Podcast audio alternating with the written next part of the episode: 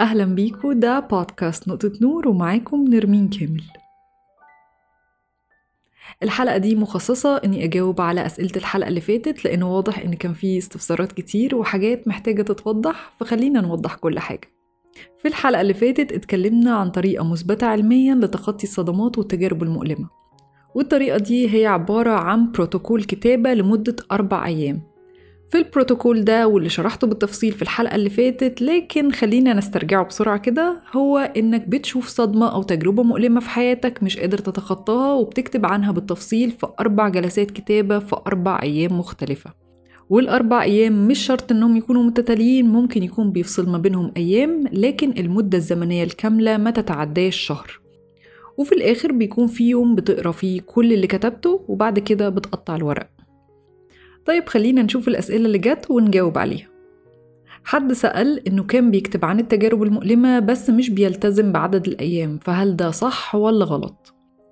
هو مفيش صح أو غلط في الكتابة لأنك بتكتب علشان تطلع اللي جواك وتشوف إزاي هتحله أو تتصالح معاه. ودي فكرة كتابة اليوميات أصلا إنك كل يوم تحاول تفضي دماغك من كل اللي حصل عن طريق إنك تطلعه على الورق.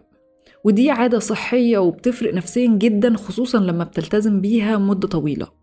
الفكرة في بروتوكول الكتابة والمدة الزمنية والأربع أيام وكل ده هو إعادة كتابة مسارات المخ اللي ارتبطت بالتجربة المؤلمة.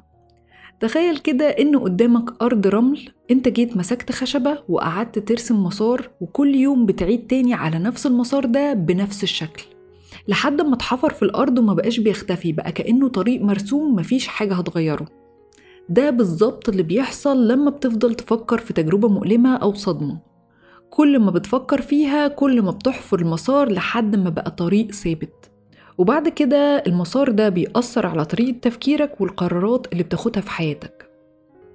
طيب اللي إحنا عايزين نعمله ببروتوكول الكتابة ده إننا نمسح المسار اللي اتحفر ونعيد كتابته علشان ما نفضلش محبوسين جوه التجربة السيئة.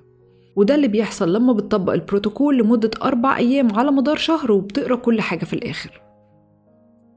السؤال التاني هل في الأربع أيام نكتب عن مواضيع مختلفة ولا عن نفس الموضوع؟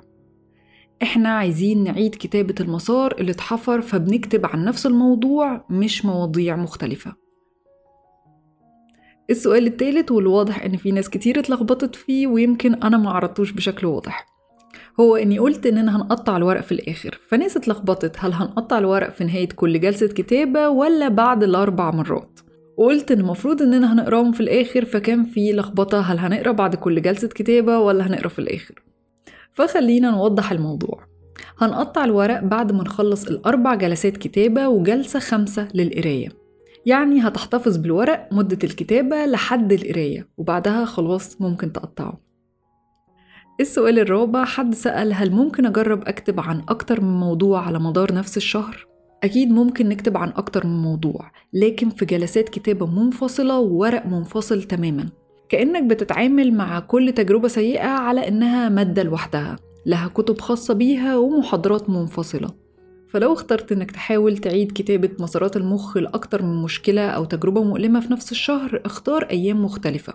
وخصص كل واحد فيهم لحاجة واحدة بس. الموضوع سهل ويستحق التجربة لأنه فعلا هيفرق نفسيا ومش مكلف نهائي.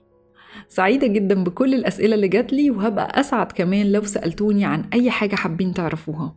وممكن بعد كده أعمل حلقات لإجابات الأسئلة دي كلها.